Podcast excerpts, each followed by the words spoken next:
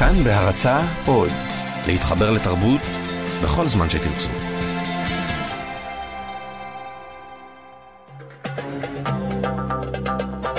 גם כן תרבות. עם גואל פינטו.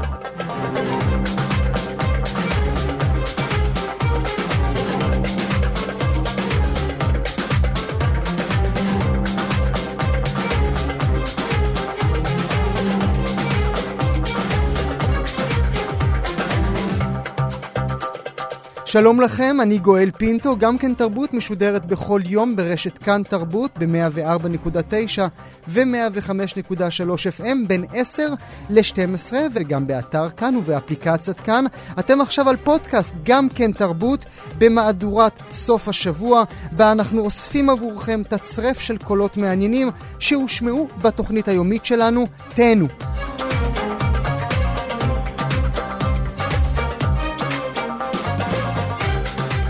אל הנושא הראשון שלנו, השמאל שכח מה זה להיות יהודים. כך זועקות כותרות הבוקר בעקבות נאום שנתן יושב ראש מפלגת העבודה אבי גבאי, ואיתנו הסופר א' ב' יהושע, שלום, תודה רבה שאתה איתנו. שלום. שכחת מה זה להיות יהודי? אני רוצה לומר לך שזאת חוצפה שאין דוגמתה, שאבי גבאי, שבא לבקש ממני לתמוך בו לפני שהוא נבחר, ואמרתי לו, אני לא חבר מפלגת העבודה, שאומר את המשפט האיום הזה שאמר בשעתו נתניהו. איך זה חוצפה להגיד לנו ששכחנו להיות יהודים? אנחנו שחיים בארץ ישראל, בטריטוריה ההיסטורית של העם היהודי, מדברים עברית, מחויבים זה לזה, מחויבים זה לזה. יהודים מושלים עלינו, ליהודים משלמים מיסים. איך להגיד לנו ששכחנו? אנחנו שכחנו? אימא שלי הגיעה ממרוקו, כמו אימא שלו, אבל היא הגיעה ב-1932, כאשר הם עוד שמה חלמו חלומות, כן? היהודים המרוקאים חיכו שמישהו ייקח אותם. היא באה ב-1932 כשהיו כאן 300 אלף יהודים, והיא רצתה להפוך מיהודייה לישראלית. רבי גבאי כנראה לא פתח בכלל את ספר התנ"ך, כמו שאם הוא היה פותח את ספר התנ"ך היה רואה שמעולם לא כתוב שם יהודי, חוץ ממרדכי היהודי אשר נתן את אחייניתו לאיזה מלך שיכור, גוי, והשיא אותה בנישואי תערובת. הוא לא פתח את ספר הסידור התפילה, כמו ששם הוא לא היה מוצא את המילה יהודי, אלא בני ישראל. ואם משה רבנו היה כאן, בישעיהו ודוד המלך, וכל גיבורי התנ"ך הם לא ידעו מה זה יהודים, קראו לעצמם ישראלים. אנחנו בני ישראל, איך זה פתאום להגיד לי שכחתי? אני רוצה רק לומר משהו לאנשי מפלגת העבודה. הם חייבים לצאת בתקיפות נגד האמירה הזאת. בשנות החמישים בן גוריון היה מלך של, אה, של מפא"י, ויצאו נגדו, נגד דיבורים שלו, אנשי מפלגת העבודה לא פחדו להגיד לו אתה טועה כאן, אתה טועה כאן. הוא צריך להתנצל. הוא צריך להתנצל על אמירה כזאת, ולחזור בו. למה הוא אומר את האמירה הזו בעיניך? אני לא יודע, כיוון שהוא רוצה להתחנף. וחושב שהוא יתחנף לכל מיני אנשים ויגיד להם את מה שנתניהו, אז יצביעו בעדו. וזה, וזה, וזה הדבר הכי בזוי בעיניי, להתחנף ולהתחיל להגיד, לדבר בלשון שלהם. נתניהו עצמו, לפי דעתי, קצת אה, היה המום מהלש... מהמשפט הזה שהוא הוציא מפיו. אז הוא חוזר על המשפט הזה, אנחנו שכחנו להיות יהודים. אנחנו שחיים את כל המציאות היהודית המלאה בטריטוריה יהודית, בלשון, בתרבות, בכל מה שקשור בכך.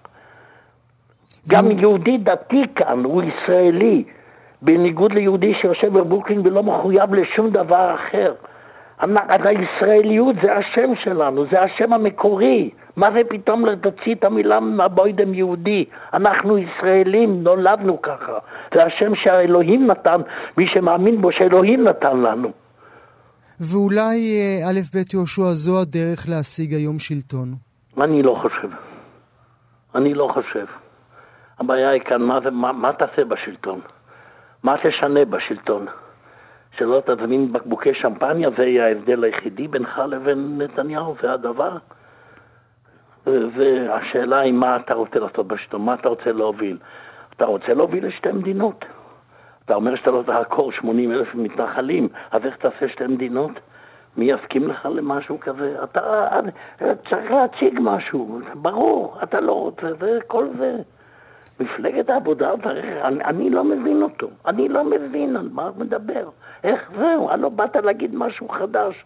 באת מרקע אחר, כאילו. אפשר לחשוב שאחרים, שכבל ופרץ וכל כל כך הרבה אנשים הגיעו מאותו רקע שלך, זה לא תעודת הזהות. תעודת הזהות היא צריכה להיות, מה אתה אומר, לעשות משהו אחר, ולא לחזור על אותן אמירות כל כך מקוממות. כל כך מקוממות. הוא לא יכול להבין כמה זה מקומם. ואני אומר, מפלגת העבודה צריכים אנשים לעמוד מולו ולהגיד עכשיו, תחזור בך. תגיד, טעיתי. לא יקרה לך שום דבר.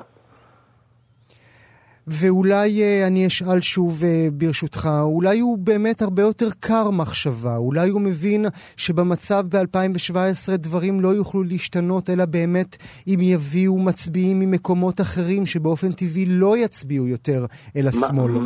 להגיד את זה בצורה כזאת, יש בכל אופן איזה גבול. איזה גבול, אתה לא... הבעיה היא מה, על מה? יש איזה גבול למה שאפשר לומר. הכל אתה עושה, אתה תביא מצביעים חדשים, הלו, אז נתניהו בדיוק ברגע האחרון יוציא איזה מין שפן, והוא יודע להוציא שפנים, והוא יגיד, והפלסטינים קשים ממילא, ולמשא ומתן הם וכל היום עושים את הבעיות שלהם, אנחנו לא מכירים מי הוא הפרטנר הזה, וכל זה, אז, אז, אבל יש כאן, חוץ מהבעיה הפוליטית, יש גם בעיות של זהות, של התנהגות, של מוסר, של ארגון מדינה, של רווחה כלכלית. כל הדברים האלה גם הם חשובים. זה לא רק העניין הפוליטי של השלום. אבל לא רוצים אולי לשמוע יותר את הדברים האלה. אולי אנחנו בעולם של קליק בייטים. אני לא יודע, אני לא יודע, אני לא יודע, אני, אני, אני כבר לא... ואם זה יעזור או לא יעזור, אני לא בטוח. ואם זה גם... תשמע, יש איזה מינימום של אינטגריטי של האדם שצריך לדבר. וכך היה בן גוריון, וכך היה ז'בוטינסקי, וכך היה בגין. גם בגין אמר, והם דיברו דברים ברורים שהם האמינו בהם. הם לא עשו מניפולציות למען, למען זה, והם עשו, וזהו. ובגין עשה שלום עם מצרים כיוון שהוא גם דיבר דברים שהוא האמין בהם, ובן גוריון עשה את הדברים שלו, ואחרים עשו את הדברים. זה לא, זה לא הדרך. ונתניהו גם מאמין בזה, אני לא אומר, זה השקפת עולמו. השאלה אם זה השקפת עולמך, אבי גבאי? בשביל זה באת? א', ב' יהושע, תודה רבה לך שהיית איתי הבוקר. בשבועות האחרונים אה, התוודענו לשטף תלונות על הטרדות מיניות נגד גברים בעלי כוח. בשיחה הבאה אנחנו נתמקד בפער שבין תגובת ה"אני לא זוכר" של קווין ספייסי לתגובת ה"הכל נכון" של לואי סי קיי, וננסה לבדוק מהי סליחה, איך מבקשים אותה ומה ערכה כשמדובר במעשים חמורים כל כך. איתנו דוקטור ערן רולניק, פסיכואנליטיקאי ופסיכיאטר מאוניברסיטת תל אביב, לנסות לתת לנו אה, קצת תשובות או אולי מחשבות. שלום ערן, תודה שאתה איתנו. בוקר טוב. הפער הוא גדול, נכון? בין הקווין ספייסי ללואי סי קיי. יש אה, אופנים שונים של אה, בקשת סליחה. אני לא בקיא בפרטים של אה, הנוסחים של שני, אה, שתי ההתנצלויות, אבל הפערים הם כנראה גדולים בין האנשים ש... מבקשים סליחה על מנת להיפטר מהצורך לבקש סליחה, mm. לבין האנשים שעושים את הדבר הבאמת קשה הזה. של אה, בקשת סליחה. אז נתחיל ברשותך... זה, ב... לא עניין של מה בכך. נתחיל ברשותך ברישא. מה, מה זה אומר אה, לבקש סליחה כדי להיפטר מהצורך לבקש סליחה? תראה, חלק גדול מהאנשים אה, רוצים אה, לעבור לסדר היום. ובין היתר גם קצת להיפטר מאיזו אי נעימות שיש להם עם עצמם והקרובים להם. אה, אז יש לחץ חברתי וגם אה, לחץ מקצועי אה, לעשות איזושהי מחווה סמלית ולרוץ הלאה. וה... אני לא חושב שסליחה במקרה של פגיעה אנושה בקורבן, באישה, באדם שכפוף אה, אה, לנו, היא, היא דבר שקל, קל לעשות אותו. וכדאי להבחין בין סליחות שנאמרות מן השפה אל החוץ, לבין סליחות שבאמת מבטאות הכרה של אדם לא רק בפגיעה שלו בזולת, גם אה, בהכרה במי הוא. מי הוא התוקפן. זאת אומרת, להגדיר את עצמך כדאי. ככזה. כן, ו- ו- ו- ולפרט הייתי אומר. תראה, אלה רגשות כואבים, ואנחנו, אה, בני אדם, לא ממהרים לתת אותם לאף אחד. גם לא לאנשים קרובים. אני אפילו הייתי אומר שהרבה פעמים אה, קל לנו יותר לסלוח למי שפגע בנו, מאשר לסלוח למי שפגענו בו. Mm.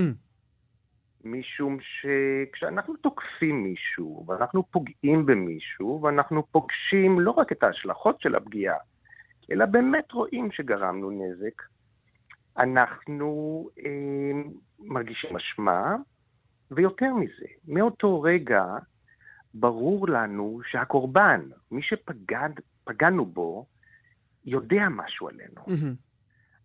הקורבן יודע, זה לאו דווקא סוד צריך להיות. זה בעיקר סוד שהתוקפן שומר מפני עצמו. ולכן הדוגמאות עם הקומיקאי, עם, עם לואי סי קיי, הדוגמה היא מעניינת במיוחד. משום שלכאורה יש לנו איש שחי נורא בשלום עם הדחפים המיניים והתוקפניים שלו, ועשה מהם קריירה משגשגת. והנה מסתבר, עברנו דבר דומה, אני מזכיר לך, גם עם וודי אלן בשאטו. Mm-hmm.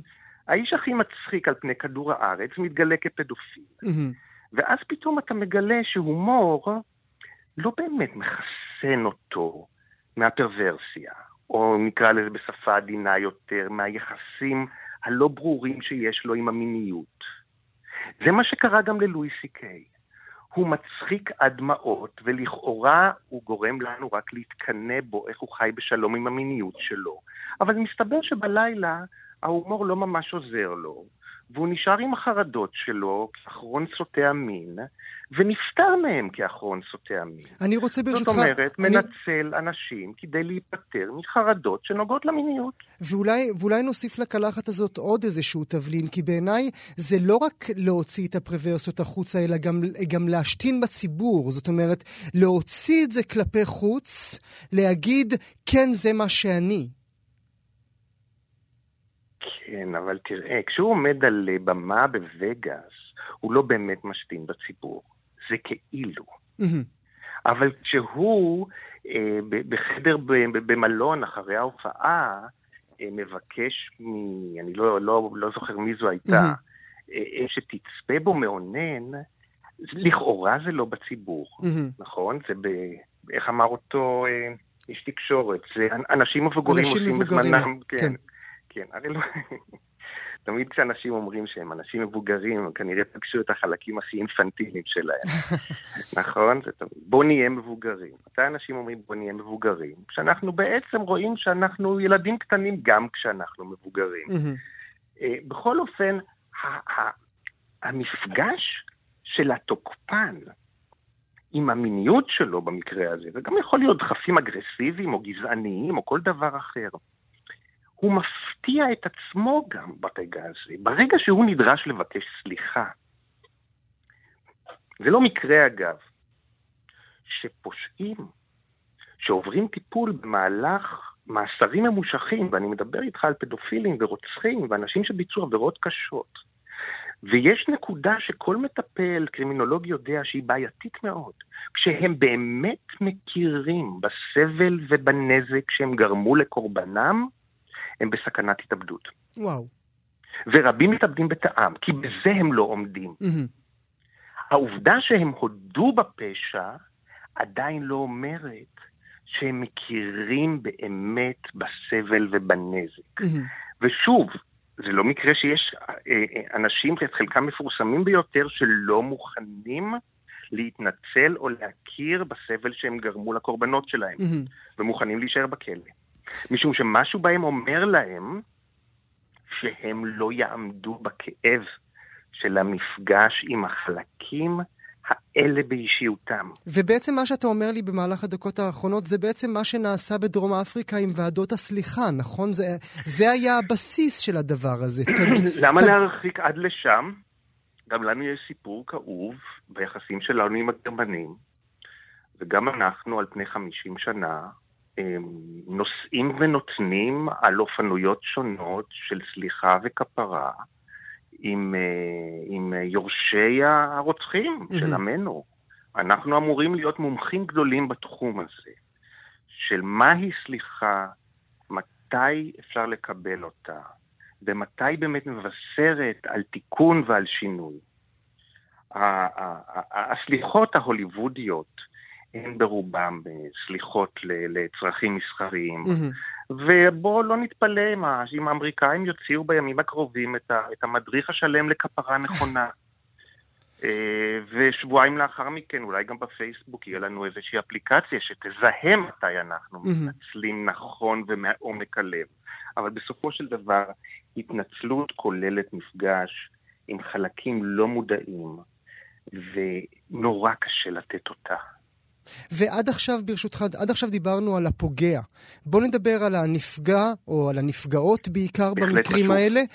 האם יש משהו שאני כנפגע משהו אה, ירגיע את הרוח שלי? יש איזושהי מילה שהפוגע יכול לומר לי כדי שאני אוכל לנשום סוף סוף? תראה, אין ספק שהקורבן הוא הרבה פעמים אה, שבוי בכלא של התוקפן, ולתוקפן יש את המפתח. הרבה פעמים זה ככה. גם אז אני תלוי בו? גם אחרי כל כך הרבה זמן? זה, זה שונה ממקרה למקרה, אבל כן, הקורבן כלא אה, אותנו, אה, התוקפן כלא את הקורבן, ויכולות לחלוף שנים רבות עד שהקורבן יוכל להיחלץ מהכלא הזה, וכן, יש פה תפקיד להתנצלות, משום ש...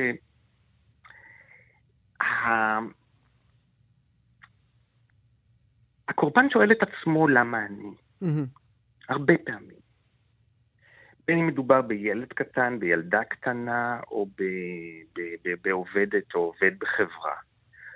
הוא עסוק מאוד בשאלה למה הוא נבחר להיות מותקף באופן הזה. וחלק בלתי נפרד מהסליחה ומהכפרה זה שהתוקפן עונה לו על השאלה הזאת באיזשהו אופן. והוא עושה לו סדר. הוא אומר לו אה, שמי אחראי פה לדבר הזה. יש איזו חלוקה נכונה והוגנת, הייתי אומר, של האחריות על המאורע. אה, יש, יש חשיבות רבה מאוד לסליחה. Mm-hmm. גם עבור הקורבן. ומילה לסיום, אה, שאלה נוספת ברשותך, דוקטור רולניק, ואולי שאלה גדולה מדי כדי שאפילו נספיק משהו. מה לא בסדר במגדר שלנו? במגדר שלנו? כן, מה לא בסדר בגברים? מה דפוק mm. בנו? אני לא בטוח שהגברים במהותם אה, מקולקלים יותר מהנשים. מכל מיני סיבות היסטוריות, הגברים עברו איזשהו פעל, תהליך של השחתה. אה, חלקם חטפו את זה קשה, והם מנצלים את הכוח שלהם, אה, רובם פחות. בסך הכל, אה, אנחנו לא יכולים לדבר פה על איזושהי מלחמת מינים שבאופן קונסיסטנטי הגברים מדכאים ופוגעים בנשים החלשות, זה, זה קשה להציג, את, אני בכל אופן לא רואה ככה את הסיפור של הציוויליזציה שלהם. Mm-hmm. אבל אין ספק שכן, אה, מקומו של הגבר אה, הפך אותו אה, לתוקפן יותר מהרגיל. וכן, יש עבודה רבה לעשות. יש עבודה רבה לעשות. השתמשת במילה השחתה, האם יש דרך חזרה מאותה השחתה? כן, ללא ספק. ללא ספק, זה כבר קורה. דוקטור, אה, דוקטור ערן רולניק, פסיכואנליטיקאי ופסיכיאטר מאוניברסיטת תל אביב, תודה רבה לך שהיית איתנו. תודה לכם, להתראות. ונעבור מיד אל הנושא הבא שלנו. אם אתם, אה, אם האוזניים שלכם אה, עדינות, אז uh, תהיו עדינים איתנו, כי אתם הולכים אולי לשמוע כמה מילים שאתם לא אוהבים במהלך הנושא הבא. השבוע הכריעה רשות השידור הקנדית בשאלה שהטרידה רבים במשך שנים. היא קבעה כי ברש, ברשתות שידור רדיו וטלוויזיה צרפתיים בקנדה מותר להשתמש במילה fuck. כיוון שבשפה הצרפתית היא כבר חלק מהלשון ואינה, מש... ואינה בעצם משמשת בביטוי הוולגרי האנגלי שלה או האמריקאי שלה. האם גם אנחנו קרובים לשם? נמצא איתנו אה, רוביק, דוקטור רוביק רוזנטל, סופר וחוקר שפה מאתר הזירה הלשונית. שלום רוביק, תודה שאתה איתי. שלום, שלום. אה, אז תשמע, הקנדים, בגלל שיש להם גם את האנגלית וגם את הצרפתית, מחליטים שבחלקים הצרפתיים מותר להגיד את המילה fuck, כי בעצם המשמעות שלה היא אחרת. אה, אני לא יודע מה, המשמע, מה המשמעות בצרפתית, אבל גם באנגלית המילה הזאת אה, מזמן התרחקה מהמשמעות המינית שלה, למרות שהיא עדיין מילת טאבו, ואני בטוח שהאמריקאים עוד ייקח להם הרבה זמן עד ש... יפסיקו לשים כוכביות, F 3 כוכביות עם ה-F word המפורסמת, אבל אה, למשל המילון האורבני, שהוא מילון שפת הדיבור האמריקאי, שואל איך בכלל אפשר להיעלב מהמילה fuck, היא משמשת כבר לכל כך הרבה עניינים שכבר אין להם שום קשר, לא לפעילות מינית ולשום דבר אחר, וגם יש לה כמובן... אה, ביטויים חיוביים, וזו התפתחות מאוד מעניינת, אולי נדבר על זה קצת בהקשר לעברית. אבל אה, זה, אני חושב שיש פה שתי סוגיות. אחת, המילה הזאת עצמה, mm-hmm. שכנראה היא הולכת ונשחקת מבחינת המקור שלה, שהוא באמת מקור גרמני שעוסק בצורה ככה גשה, בוטה, ביחסי מין. אה, ולכן היה, זאת מילה טאבו כל כך חזקה. Mm-hmm. אה, ולאט לאט don't fuck with me, אז אל תתעסק איתי. כן. זאת אומרת, זה כבר משהו הרבה יותר עדין. אה, המילה fucking היא מילת אה, חלל, מה שנקרא. אתה יכול להכניס אותה בכל מקום. בכל מקום שאני רק רוצה. מה שאני... אתה שומע את זה, אגב, אגב, הצביעות הגדולה היא שכשאתה שומע... שפת דיבור בסדרות אמריקאיות, mm-hmm. המילה הזאת מופיעה בלי, אה, לפעמים, לפעמים יש דוברים שפשוט לא מפסיקים להגיד בוודאי, אותה, ואף אחד לא נוגע בה. אבל, אה, ולכן הסוגיה היא בנסיבות יותר מעוגנות, אה, שדרי טלוויזיה ולא סדרת טלוויזיה או ציטוט ישיר, האם להשתמש במילה, וזאת סוגיה לא פשוטה, כי גם אנחנו לא רוצים ש... נגיד בן אדם שהולך לקונצרט יבוא עם כפכפים ו... וטישרט. Mm-hmm. יש איזה שהן מוסכמות חברתיות, אה, שהשינוי שלהם הוא הרבה יותר איטי לפעמים מאשר השימושים במילים, וזה כנראה גם ה... המקרה של, אה, של fuck. מעניין. אה, המילה הנוספת שלוקחת אותי לשם, כי אני חושב שהיא עברה את אותו תהליך, כמובן תקן אותי אם אני טועה, זה מילה כמו shit למשל, שגם היא, היא כבר מזמן לא מה שהיא. בוודאי, אני אתמול ראיתי את הסדרה, סדרה אנגלית, השתי בלשיות מצוינת, וה... הן כל הזמן אומרות shit, כשזה מעצבן אותם משהו, shit, shit, shit, ברור שזה זה, זה, זה בעברית כמובן חרא, אה, שחרא נשמע קצת יותר אה, ריחני מ shit, ה shit ממש איבדה את זה, אה, ואם אנחנו רוצים לדבר על עצמנו, וזה, וזה בהחלט... זה הזמן, כן. אנחנו, אני לא יודע, אני מוצא את עצמי כשאני מתעצבן אומר shit לפעמים כמה פעמים ביום. ואני שומע את זה בכל מקום. כלומר, אנחנו, כשאנחנו מתרגמים, אנחנו בכלל שכחנו מה מקור המילה, אנחנו משתמשים, אגב, וזה לא במקרה, לא מעט במילים אה, אה, לועזיות אה, בכלל בסלנג, ובטח בתחומים האלה, כי זה איכשהו ממתן, זאת אומרת, אנחנו לא אומרים את המילה ה... העברית, כי בואו בוא נדבר איך אומרים fuck בעברית. אני, לא, אני לא אומר את זה, אל תיקח, אני, אני לא אומר את זה. אני יכול לומר לי, אין שום בעיה, אתה יודע, זה צרכים אקדמיים, מילון הפלנג שלי הוא מילון ש... אה, מלא במחאות גסויות, כי זה חלק מהשפה, זה חלק מהראש שלנו, ואנחנו לא צריכים לברוח מזה. זה לא אומר שצריך להשתמש בזה כל היום וכל הלילה. כן. תראה, המילה הכי קרובה היא בכל זאת מה לעשות זין. איזה זין זה? אה, כשכאן אנחנו הרבה יותר שומעים את המשמעות המקורית, המינית, הבוטה, הסקסיסטית mm-hmm. כמובן, כי מדובר פה בגבר ש... אה, אזיין אותו. כל המילים האלה הן אה, מילים... הוולגריות נותרה בה. לא רק הוולגריות, אלא גם זה הגבר עושה לאישה, ואנחנו בעידן שבו אנחנו מצפים למילה ההדדית, למילה השוויונית. אה, בעברית יש מילה, אה, שתי מילים נהדרות, בעברית התנ"כית דווקא, להתעלף ולתנות האהבים, שהן כל כך הדדיות, אבל איפה אנחנו משתמשים עדיין במונחים הסקסיסטיים. אה, תראה, יש כאן, התופעה המעניינת שיש גם ב fuck, ב fucking, זה שיש לנו גם ביטויים, אה, גם שימוש חיובי במילה הזאת. אה, בוא, בוא ניתן לך דוגמה okay. אוקיי. באנגלית, אה, שאני לוקח אותה ממש מהמילון האורבני. She really is fucking beautiful. אה, נכון, היא יפהפייה, נכון? היא יפהפייה, נכון, או up so fucking glutly. נכון, נכון, נכון. in fucking credible, זאת אומרת, מכניסים את זה לתוך המילה, שזה מאוד מאוד נחמד. ואנחנו, כשאנחנו רוצים להתלהב ממשהו, אז אנחנו אומרים, שמע, זה היה סרט בן זונה, גואל, התוכנית שלך היא בן זונה של תוכנית, אה, ואיך נקרא המילון של אה, בן יהודה ובן עמוס מ-1982? מילון אכול מניוקי לעברית מדוברת. עכשיו, אכול מניוקי זה, זה קשור בכלל לקללות שאנחנו משתמשים בהן בשפות אחרות, כי אנחנו, כמו עם השיט, אנחנו שוכחים את המשמעות, ועל ידי זה אין לנו בעיה להשתמש בהם, כי החול מניוקי, לא נתרגם, זה, זה ביטוי מאוד מאוד גס ב, ב, בערבית, וקיבינימט זה ביטוי הכי גס בעולם שאפשר לתאר okay. אוקיי. בכלל, אה, ולא לתרגם אותו מרוסית, ואנחנו משתמשים כי אנחנו בעצם לא מכירים את התרגום, עם זה אין לנו בעיה. לעומת אז... זאת, כשאנחנו חוזרים למילה שהיא בעצם עברית, כי זין זה בא בעקבות האות השביעית אגב, זה המקור של המילה הזאת, זה סיפור מאוד מעניין. אז שם אז אנחנו כבר נהיים אה, פוריטנים יותר. ומילה לסיום, אה, דוקטור רוזנטל, ברשותך, היית כן. מרשה לי בשידור להשתמש במילה הזאת? אה, אם אתה מצטט, ואם אתה, הנה עכשיו דיברת איתי, אפילו כשדיברת איתי על זה אתה נמנעת. דיברתי על קללות בערוץ 10 עם שי שטרן לפני שבוע, והוא כל כך נהנה לקלל ולהגיד את המילים הכי גסות, הוא אמר, עכשיו מותר לי כי זה אקדמי.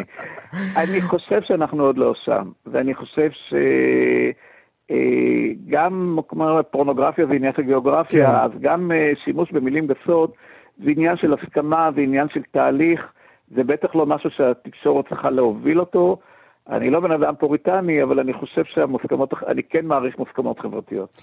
דוקטור רוביק רוזנטל, סופר וחוקר שפה, אתר הזירה הלשונית, תודה רבה לך שהיית איתי הבוקר. תודה לך ושלום. גם כן תרבות. לראשונה נפתח אה, בג'קרטה, אינדונזיה, מוזיאון לאומנות מודרנית. המוזיאון יארח אומנים מקומיים ובינלאומיים בתערוכות מתחלפות. כדי לדבר על הפלא הזה, בעיקר על הפער בין היותה של אינדונזיה מדינה מוסלמית אדוקה לבין הגישה שלה בכלל לאומנות ועכשיו לאומנות מודרנית, אה, הזמנו אלינו את דוקטור גיורא אלירז, מומחה לדרום מזרח אסיה מאוניברסיטת וושינגטון בסיאטל ובמכון טרומן באוניברסיטה העברית. שלום גיורא, תודה שאתה איתי. שלום רב. דבר איתי על הפער הזה. בוא נתחיל קודם כל, נעביר, את הדבר, אה, נעביר מושגי יסוד. Mm-hmm. הפער הוא קיים בעיני המתבונן. אז אומרת, זה אצלי בראש, אוקיי? כן. אני כבר מקבל את זה. כן. זאת אומרת, זאת מדינה רבת ניגודים. זאת אומרת, אתה יכול למצוא את הכל. מי שחוקר אסלאם רדיקלי קיצוני ימצא קרקע פוריה. כן. מרץ ימצא. יש לו שם לקוחות, כן. כן, אבל מצד שני, זה, זה הפלא של אינדונזיה, שזה מזכיר את... Uh, תיאטרון הוויאנג שלהם, שיש mm. שם את הטובים והרעים מכל הגוונים ומאבקים, וישנם, באמת, בוא נשים את הדברים בתוך קונטקסט, זה לא דבר, נקרא לזה, מרעיש עולמות, זה מעניין שהם הגיעו גם למוזיאון, בגלל mm-hmm. כבר השיקולים, העכבות היו יותר, נקרא לזה, בנושא הכלכלי, והיו צריכים יוזמה בנושא הזה, וזו יוזמה פרטית. אה, והיה צריך להעביר אישורים, והיה צריך להשיג תקציבים, זה לא, זה, זה דרך. זה ברור, אבל אין כאן, לא צריכים לעבור כאן מכשולים, אה, נקרא לזה, בתחום המוסר הציבורי. ממש לא. אתה יודע, אנחנו מכירים אה, אומנות מודרנית. אתה יודע, זה יכול... אנחנו יכולים להיכנס פה לאיזשהו בור. אז נתחיל, בוא נגיד לך ככה, כדי נלך לקצוות, כדי דווקא לצד הפרובוקטיבי. של אחת העבודות תוצגנה שם, זה של אמן מקומי בשם אחמייני פייסל, זאת אומרת מה שנקרא פייסל במקומותינו, שכבר ב-1993 הוא הציג באינדונזיה עבודה שנקרא לינגה יוני. אם תהיה לינגה יוני, זה בעצם נקרא לזה מין סימבוליזם מיני. של אה, מייצג את הסימבוליקה הגברית והנשית, okay. אוקיי. והתמונה היא, נקרא לזה, לא משאירה הרבה מקום לדמיון. כבר אז כשהיא הוצגה ב-1993 הייתה פרובוקטיבית בתוך הקונטקסט האינדונזי, ומטרתה הייתה בין היתר סוג של מחאה על אי סובלנות דתית mm-hmm. ומינית. הוצגה היכן? היא הוצגה בזמנו באינדונזיה. ואני מזכיר גם שדרך אגב המוזיאון נפתח באיחור מסוים של כמה חודשים, כן, כשרצו שהוא יהיה יחד עם הביאנלי כן, של ג'קרטה, שגם היא נפתחת עוד ושל רגע, ג'וק ג'קרטה, זאת אומרת אומנות קיימת. אה, וישנם דברים פורצי דרך. עכשיו, אני לא אגיד שבשלב זה אני גם נכנסתי לבדוק טוב. לא ראיתי התנגדות אסלאמיסטית בשלב הזה. אז תסביר לי, תסביר לי, מדוע לא גילית את ההתנגדות? מה אני לא יודע על אינדונזיה, או איזה דעות קדומות יש לי על אינדונזיה כמדינה המוסלמית הגדולה ביותר, אה, לעומת באמת המציאות שאתה מתאר לי שהיא נשמעת מציאות פנטסטית. לא, פנטסטית, בוא נגיד ככה, אם לפני...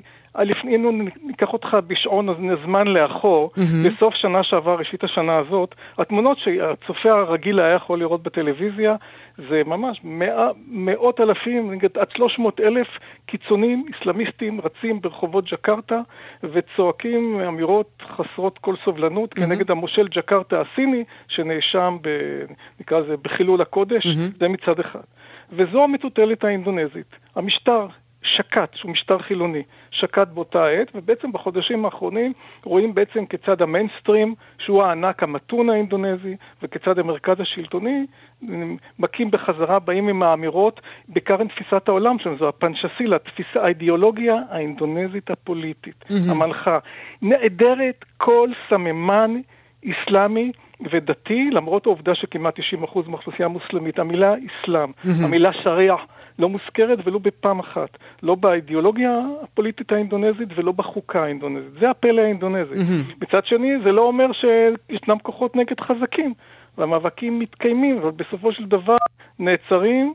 ונעצרים, נקרא לזה, בתוך הקונטקסט הקיים, שהוא עדיין לא הופר. עכשיו, אני לא אגיד שזה תוכנן, פתיחת המוזיאון תוכננה בדיוק על רקע האירועים האלו, אבל בוא נגיד ככה, דווקא על רקע האירועים שהיו, דווקא התפרצות הגל האיסלאמיסטי והתשובת הנגד היום של המרכז השלטוני, הייתי אומר שזה מאוד מתאים למרכז השלטוני להעביר היום מסר שקשור בגלובליזציה, אומנות שמתכתבת עם, אה, עם אומנות מערבית, mm-hmm. שיש בה גם אלמנטים מאוד פתוחים וכדומה, אז מבחינה זאת הייתי אומר זה משרת, וגם מה שגם לא יודעים, וזה שוב, זה מאוד אופייני לאינדונזיה, ישנם דברים שעושים כותרות.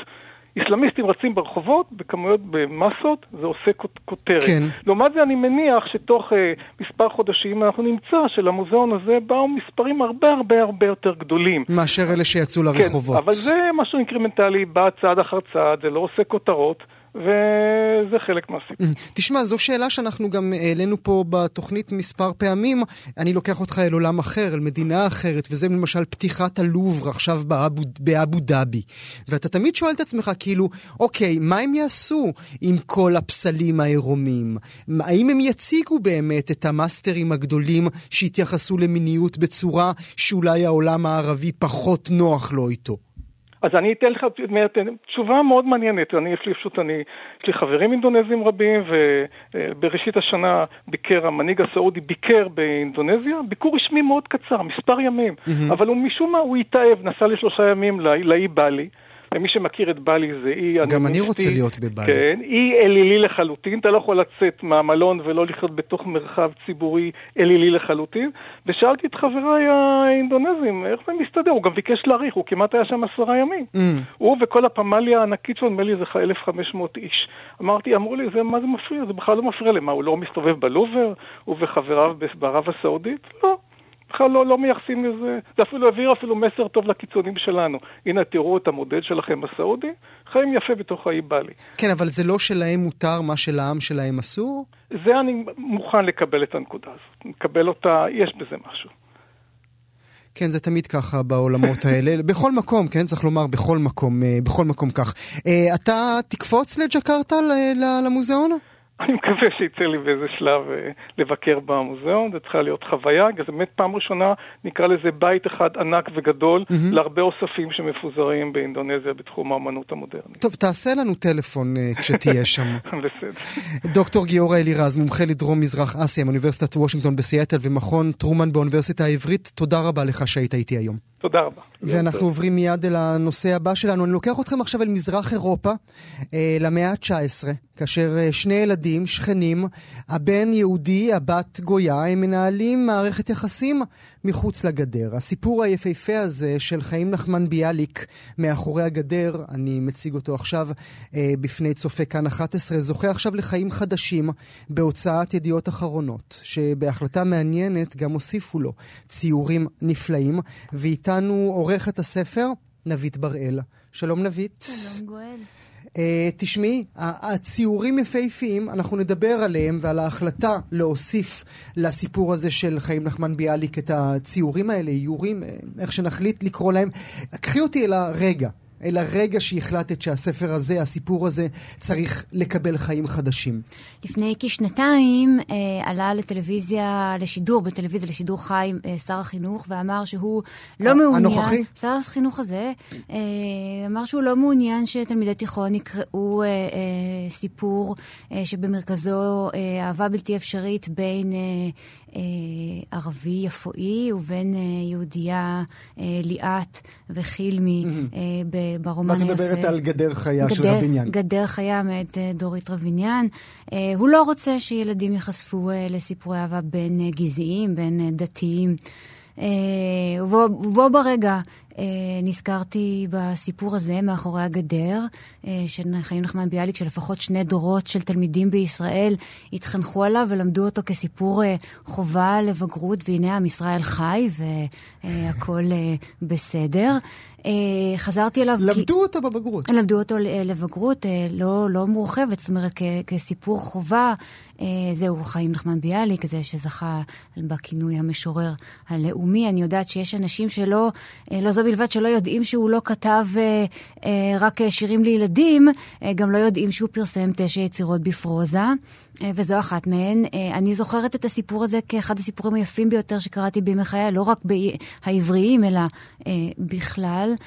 ו... אז זה היה, זו, זו הייתה אז החלטה מודעת, לעומתית, להגיד לשר החינוך שלנו, אתה רוצה להוציא משהו ממערכת החינוך, בוא תראה שבעצם אנחנו מושתתים על היצירות האלה?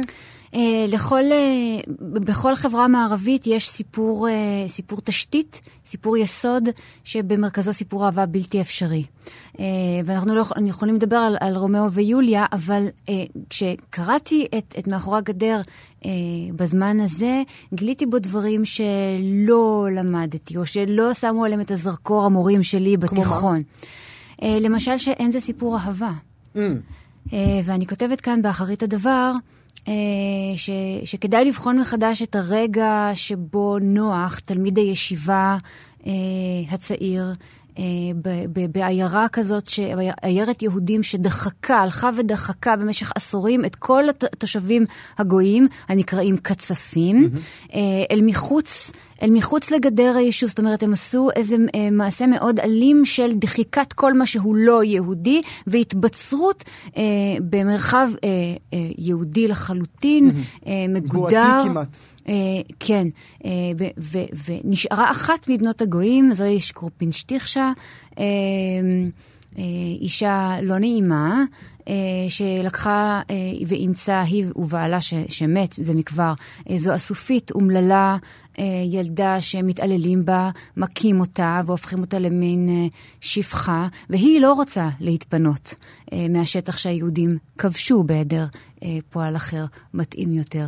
Uh, והסופית הזאת נמצאת בכרפף הקטן, מילה, איזו מילה יפה, מילה שקיימת רק בסיפור. בדיוק, יש כאן כל כך הרבה מילים שבעת שקראתי את, ה, את הסיפור, באמת טעיתי, איפה יכול להיות החיבור של השפה ל-2017, לא, לכאן ולעכשיו? אני חושבת ש... אבל קראת אותו באופן, אה, באופן שוטף, אני מאמינה... שוטף לגמרי. אני מאמינה שילד... אבל הנחתי לי בצד את, ה, את, ה, את המילים. את המילים. מילים כמו כרפף וכמו כן. קצפים. כן, הן מנוקדות אה, אה, הן פה ושם, אבל הסיפור קולח, הסיפור שובה mm-hmm. לב. אנחנו uh, מוזמנים uh, ללכת עם רגש, רגשותיו של נוח, שמתאהב באותה אסופית מרינקה uh, אומללה, שיושבת uh, מאחורי או הגדר. או לא מתאהב, כמו שאמרת. בדיוק. הוא, הוא, הוא, הוא, הוא מבחינתו uh, ילד מאוהב, נער mm-hmm. מאוהב, זאת ה, ה, הילדה היחידה שהוא יכול להציץ עליה. Uh, גם כשהיא עומדת uh, uh, ומכסה את גופה בשתי ידיים, ככה בתנועה של צלב, כל הילדים מבית המדרש מצ, מציצים עליה מאחורי הגדר, החרכים בין הגדר מתמלאים עיניים, והיא זאת שמביטים בה. היא לא, היא לא אוהבת את זה, כן? היא לא יכולה לעשות שום דבר כנגד זה, היא כל כך אה, אה, מסכנה. ו, ואת הרגע... אה, את הרגע שהוא, שהם מדברים בפעם הראשונה, הוא אומר לה, אני שותל הכל, אני אזרע לך כאן, אתן לך כאן גן. היא אומרת לו, שום דבר. לא, לא גודל פה יותר. לא יצמח כאן, השמש לא מגיעה לכאן. וכשקוראים אה, את הרגע שבו הם, הם מקיימים איזשהו אה, מגע פיזי, אה, מבינים שזה, שזה לא בהסכמה, mm-hmm. היא, היא צועקת לא, כן. אה, ו, והוא למעשה אונס אותה. וזה הכאן והעכשיו. אני רוצה רגע לעצור ו- ולשאול אותך, להוציא את הספר הזה במהדורה... אה, מאוד מפוארת, כן? אנחנו כמעט ולא רגילים לראות ספרים כאלה, הוצאות הספרים במצב קשה תמיד, והן לא מוציאות ספרי קפה יותר, אם אפשר לקרוא לזה כספר קפה, ואת גם מוסיפה לזה ציורים. למה החלטת לעשות מזה חגיגה? קודם כל זה ספר קריאה, יש כאן אה, נובלה שיש לה אה, מספר פרקים, אני רוצה שתהיה חוויית קריאה אה, אה, מחכימה, מאירת עיניים, מעצבנת, מקוממת, מענגת, אה, ושהקורא העכשווי יראה כמה, אה, כמה כמה טוב לנו שיש לנו אה, ספרות עברית, וגם זו שנכתבה ב-1909, רלוונטית אה, לנו היום, כשהיא יצירת מופת. אין ספרים של ביאליק בחנויות הספרים כרגע. אני חושבת, אם נשים את חוק הספרים בצד, כי כבר לא מעניין לדבר אותו, אה, לדבר על אודותיו, אה, ונחשוב, אולי צריך לחייב חנויות ספרים להחזיק איזה ארון ספרים, mm-hmm. שבכל חנות ספרים... ארון ספרים יהודי. כן, שבכל חנות ספרים תהיה איזה רשימה של ספרי חובה שהם חייבים להחזיק. לי זה נראה מוזר שאני נכנסת לחנות ספרים גדולה ושואלת, יש שופמן, יש עגנון, יש שטיינברג, ואומרים לי. אין, אין, אין. אז, אז זה עצם זה שעכשיו אתה נכנס בכל, סטימצקי, בכל חנות סטימצקי בישראל ומבקש את ביאליק, ויש, ויש ביאליק יפה. אה, אה, אז, אז אה, דייך. בדיוק. ו, ו, והציורים? האיורים, הייתה לי מחשבה אה, לתת, לתת ערך מוסף להוצאה המחודשת הזאת. הרי אה, כל היצירות של ביאליק הן נחלת הכלל, אה, אפשר אפילו לקרוא אותן אה, באינטרנט, ויחד עם זאת אנחנו יודעים שכאשר אנחנו מחזיקים ספר וקוראים קריאה של נייר, יש לנו חוויה אחרת לחלוטין מאשר קריאה על המסך. אז פניתי למאיירת אה, צעירה מאוד בשם אה, קרן כץ. היות שראיתי כמה עבודות שלה וראיתי את החמלה אה, ואת העבודה שלה המאוד יפה עם תנוחות של גוף, וזה סיפור מאוד גופני, זאת אומרת... וביקשתי ממנה להתייחס אל הטקסט? כמובן, מבחינתי זה לא היה לאייר את הסיפור, אה, זאת אומרת להראות איך, איך זה נראה, אלא לייצר רובד נוסף. של פרשנות, מי שיעקוב אחר האיורים שלה, והם באמת מעודנים, מתוחכמים מאוד, יראה שגם היא, כמותי, קוראת את הסיפור הזה אה, לאו דווקא כסיפור אהבה אה, אופטימי ומקסים, ומ... ולא כמשהו אפל. ומילה לסיום, בהוצאה חשבו שאת משוגעת? אה, בהוצאה, אה, אני מודה מאוד למועצת הפיס לאומנות ולתרבות, שתמכה אה, בפרויקט הזה, שבלעדיה אה, הוא לא היה רואה אור. בהוצאה כמובן אה, אה, שמחו לראות את זכיית החמדה הזאת. אה, ספר הוא לא רק אה, חוויה תרבותית, הוא גם מוצר של נייר, הוא גם חומר, הוא גם אובייקט במרחב. והאובייקט הזה, לדעתי, יכבד כל אה, ספרייה ביתית. נבית בראל, מאחורי הגדר של חיים נחמן ביאליק אה, בהוצאה מחודשת ויפהפייה. Uh, תודה רבה לך. תודה, גואל. שהיית איתי היום. Uh, מבול התלונות על הטרדות ותקיפות מיניות מצד אומנים בעלי שם מעלים את השאלה האתית שלנו כבני אדם, מה אנחנו אמורים לעשות כאשר יוצר שאת יצירותיו התרבותיות אנחנו אוהבים, מואשים, מואשם במעשים שלא ייעשו. האם לא נצחק יותר בהופעות של הקומיקאי האהוב לואי סי קיי? האם לא נצפה יותר בסרטים של קווין ספייסי? כדי לדון בשאלה הזאת, איתנו דוקטור תהילה אלטשולר, ראשת התוכנית לרפורמות במדיה במכון הישראלי לדמוקרטיה, וגם ממחברות הקוד האתי של כאן, תאגיד השידור הישראלי. שלום תהילה, תודה שאת איתנו. בוקר טוב. נתחיל עם הסוף ברשותך. מה, מה אני אמור לעשות עם הסרטים של ספייסי שאני כל כך אוהב? אז uh, הדבר שעלה בדעתי הוא באמת להשוות את הדבר הזה למה שקורה כשאתה עומד בסופר uh, ורואה הרבה מאוד מוצרים, חלקם עמוסים במוצ... בחומרים מזיקים כמו סוכר או שומן או מלח. חלק מהחומרים המזיקים האלה מזיקים לטווח קצר, אחרים יכולים לגרום לך נזק ארוך טווח. ומה שאנחנו בעצם בתור חברה רוצים לעשות זה אה, לתבוע סימון של החומרים האלה ולאפשר לך את ההחלטה, כלומר החלטה מאוד מודעת. ופה אני חושבת שצריך אה, אה, להבחין בין שני סוגים של היבטים. היבט אחד הוא ההיבט או ההבחנה בין האישי לבין הקבוצתי.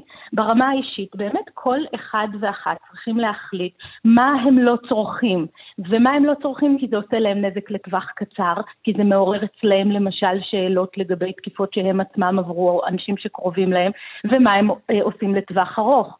אה, למשל, אה, כיצד הם רוצים להנחיל לבנים ולבנות שלהם עולם יותר טוב. והבסיס לכל הדבר הזה, כמו שאמרתי קודם, הוא פשוט מודעות, הוא צרכנות נבונה אם ללכת שוב לעולם של, ה, אה, של הסופרמרקט. Mm-hmm. אבל מעבר לזה, יש גם את ההיבט הציבורי. אמ, ההיבט הציבורי שמשמעו מה אנחנו בתור חברה אה, רוצים לעשות כשמדובר בהקשרים כאלה. כי אחד הדברים שצריך לזכור כל הזמן, וראינו את זה השבוע בביטול של אישום נגד אה, אדם שנחשד בעבירות מין אה, בירושלים, mm-hmm. שאנשים הם, הם, כל עוד הם חשודים, אנחנו לא רוצים להרוס להם את הקריירה, אנחנו לא רוצים לגרום להם באמת לנתק את כל קשריהם עם, ה, עם הסביבה שלהם. אז ברמה האישית, אני למשל יכולה להחליט שמספיק לי לראות אמ, אה, תלונות בפייסבוק או בטוויטר אה, של נשים שאני בוטחת בהן או שאני חושבת שאני בוטחת בהן ולקבל את ההחלטות שלי. אבל ברמה הציבורית אנחנו באמת צריכים לשאול את עצמנו מה בדיוק המקום שבו אה, אנחנו כחברה כבר לא רוצים לראות את האנשים האלה מעל הבמה הציבורית. Mm-hmm. האם רק אחרי שעשו להם פאבליק שיימינג בפייסבוק, או אולי רק אחרי שכבר יש פסק דין חתום שעבר את כל הערכאות? איפה זה יכול להיות באמצע, mm-hmm. מה קרה למי שזוכה מחוסר אה, כן, ראיות ולא אני, מחוסר אשמה. אני, אני ברשותך לוקח אותך אה, לרישה של הדברים שלך. עולם התרבות והאומנות הוא מתעתע, כי בו, לעומת עולמות אחרים, כי בו תמיד יש את ההפרדה, או הרצון להפרדה, או האמירה שצריך להפריד בין היוצר לבין העבודה שלו. בין, אה, בין האומנות לבין מי שיצר אותה. אני חושבת שהמקבילה העיתונאית לאמירה הזאת של ההפרדה היא המיתוס, אולי האתוס הרומנטי של אובייקטיביות עיתונאית. לכאורה, היוצר הוא צינור בלבד mm-hmm. ליצירה שלו, ולכן מה לנו, מה היוצר עשה, או מה אכפת לנו, מהן ההטיות של היוצר הזה, או במה הוא נחשד בעבר. אני חושבת שהגישה הזאת, שהייתה אולי מקובלת בעולם אה, מודרניסטי, אה, קצת קורסת לתוך עצמה בעולם פוסט-מודרניסטי. ואחד הדברים למשל שעשינו בקוד האתי של כאן, היה לנסות לקרוא את המסכה mm-hmm. מעל הגישה הזאת ולהגיד, תשמעו, אין דבר כזה אובייקטיביות. היוצר בהרבה מובנים הוא היצירה. Mm-hmm. ליוצר יש הטיות, ליוצר יש היסטוריה, נגד היוצר אולי יש חשדות, ליוצר יש דעה פוליטית. כל הדברים האלה, כמובן שאין להם אותו סדר חשיבות, אבל כל הדברים האלה מתנקזים ביחד לאיזשהו סוג של צורך בשקיפות, בידיעה.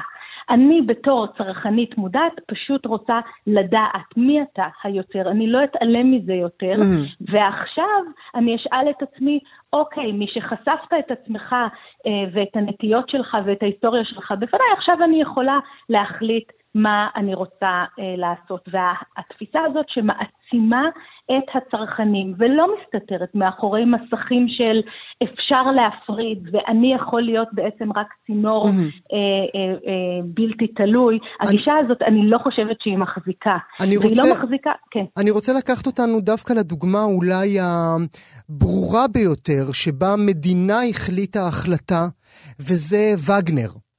כי הוא בעצם האומן היחיד, היוצר היחיד, שבו מדינה ואומה אמרה עד כאן, כאן אנחנו לא מפרידים בין האומן אה, ודעותיו לבין יצירותיו. לא היו דוגמאות נוספות כאלה, למרות שאני יכול לחשוב על רבים, כן? אה, אה, רומן פולנסקי ממלא אולמות. אה, נכון, וצ'ייקובסקי בהקשר הזה למשל לא היה פחות נכון. אנטישמי מאשר וגנר.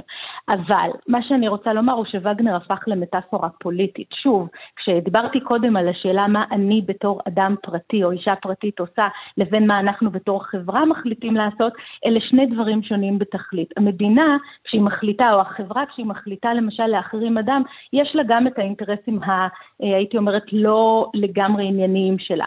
למשל, היה עניין להעצים את האתוס הזה של שיתוף הפעולה של העם הגרמני עם מה שקרה במשטר הנאצי. ווגנר במובן הזה שימש כמטאפורה פוליטית. Mm-hmm. באותה מידה, הארווי ויינסטין עכשיו יכול להיות, יהפוך איזושהי מטאפורה פוליטית לכל מה שרקוב אה, אה, בהוליווד, או קווין אה, אה, ספייסי או, או ביל אוריילי לפני mm-hmm. כן, לכל מה שרקוב בעולם של אה, התקשורת ה... אה, אה, התקשורת החדשותית. ופה אנחנו באמת צריכים לשאול את עצמנו, למשל, למה נטפליקס בתור אה, חברה ענקית ומאוד מרוויחה, הודיעה בצורה חד צדדית וכל כך מהר שהיא מורידה את כל התכנים שקווין ספייסי שותף להם, כולל לא להעלות את עונה 6 של, של בית הקלפים, כן. כולל, כן. כולל לא להעלות סרט חדש שכבר נמצא בקנה והוא, והוא מוכן. אמ, יש לי שתי תשובות בהקשר הזה. דבר ראשון, בארצות הברית יש המון צביעות ביחס לסקס באופן כללי. Mm-hmm. כל הבליפים האלו שתמיד היו בטלוויזיה, אה, מצד אחד באמת התרבות והסביבה גדושה ברמיזות מיניות, ומצד שני, אמ, ברגע שזה באמת אה, מגיע לאיזשהו לחץ ציבורי, אז כולם מהר מתקפלים. והדבר השני שאולי כדאי להגיד פה הוא שנטפליקס כחברה יודעת עלינו המון. Mm-hmm. נטפליקס אוגמת עלינו מידע אה, רב מאוד ביחס לצריכה התרבותית שלנו. אולי היא יודעת משהו שאנחנו לא יודעים.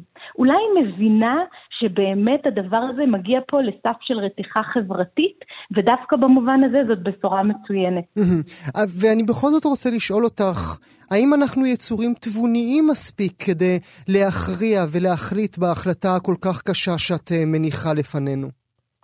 אנחנו יצורים תבוניים באופן מוגבל, יש אנשים שקיבלו על הדברים האלה אה, פרסי נובל בכלכלה, נכון? בכלכלה התנהגותית. Mm-hmm. אנחנו מקבלים החלטות לפעמים על סמך לחץ חברתי, לפעמים על סמך חוסר רציונליות ולפעמים על סמך רציונליות. מה שאנחנו בתור מדינה או בתור חברה יכולים לעשות הוא לנסות להעצים את המרחבים של שיקול הדעת התבוני, ואת זה עושים באמצעות מידע. אין שום דרך אחרת. ברגע שהציבור יותר אורייני, ברגע שאנחנו פורסים לפניו בפניו יותר מידע, כי אז היכולת שלו לקבל החלטה תבונית יותר גדולה.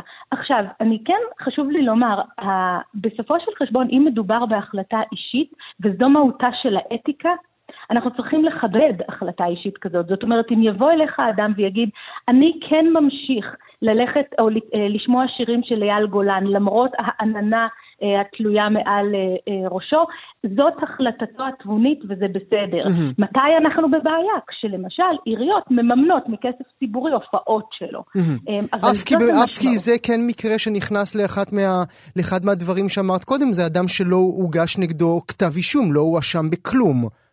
אמרת ובצדק עננה בלבד. כן, כן, לכן אני אומרת, זאת המשמעות של החלטה אתית. אנחנו רוצים לדעת על העננה, אנחנו רוצים להבין את הפשר שלה, ואנחנו רוצים לאפשר לאנשים לקבל החלטה. ואם יבוא אדם ויגיד, תשמעו, לא, אה, אה, אה, לא הוכח דבר, אז, אז אין, לי, אין לי מה לבוא אליו בטענות. Mm-hmm. לעומת זאת, כשמדובר באנשים, למשל, על, על מה שקורה כאן עכשיו, והוא מאוד מעניין, זה באמת כוחן של הרשתות החברתיות. יש המון ביקורת על רשתות עכשיו, כן, הדיקטטורה של פייסבוק וזה. דווקא פה, אל, זה שעתה, זו שעתן היפה של הרשתות החברתיות, זה הכוח שלהם, mm-hmm. של סיפור ועוד סיפור, שמצטרפים ללחץ ציבורי גדול. זאת היכולת לבצע מהפכות דרך רשת חברתית, וזאת היכולת שלי כמשתמשת אחת אה, בתוך הרשת הזאת mm-hmm. לבחור למי להאמין או למי לא. אני עדיין רוצה בנקודה הזו לשאול אותך, מדוע אנחנו מצפים ממדינה לעשות משהו שאנחנו לא עושים? מדוע אם אני מרשה לעצמי להאזין לאייל גולן בבית, אה, אנחנו מצפים שעירייה לא תממן את ההופעה שלו? אה, זה דבר, זאת שאלה אה, גדולה והיא בעצם נוגעת לשורש של המשטר הדמוקרטי שלנו, אני חושבת. אה, באופן כללי, אנחנו תמיד מעדיפים לראות או להחשיב את עצמנו כמוסריים יותר ממה שאנחנו עושים באמת.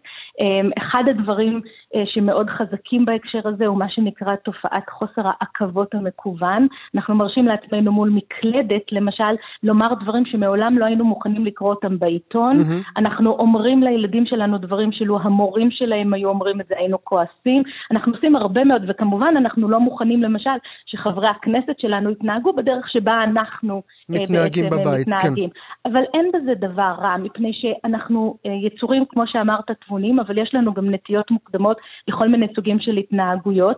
החוכמה שמכניסים לנו מגיל צעיר היא לנסות לדכא נטיות הייתי אומרת חייתיות, mm-hmm. נכון? זה, זה מה שעומד ביסוד הסיפור של ההטרדות המיניות, אבל זה מה שעומד גם ביסוד אה, אה, התביעה מהאנשים לא להיות גזענים כלפי שכנים או mm-hmm. כל דבר מהסוג הזה.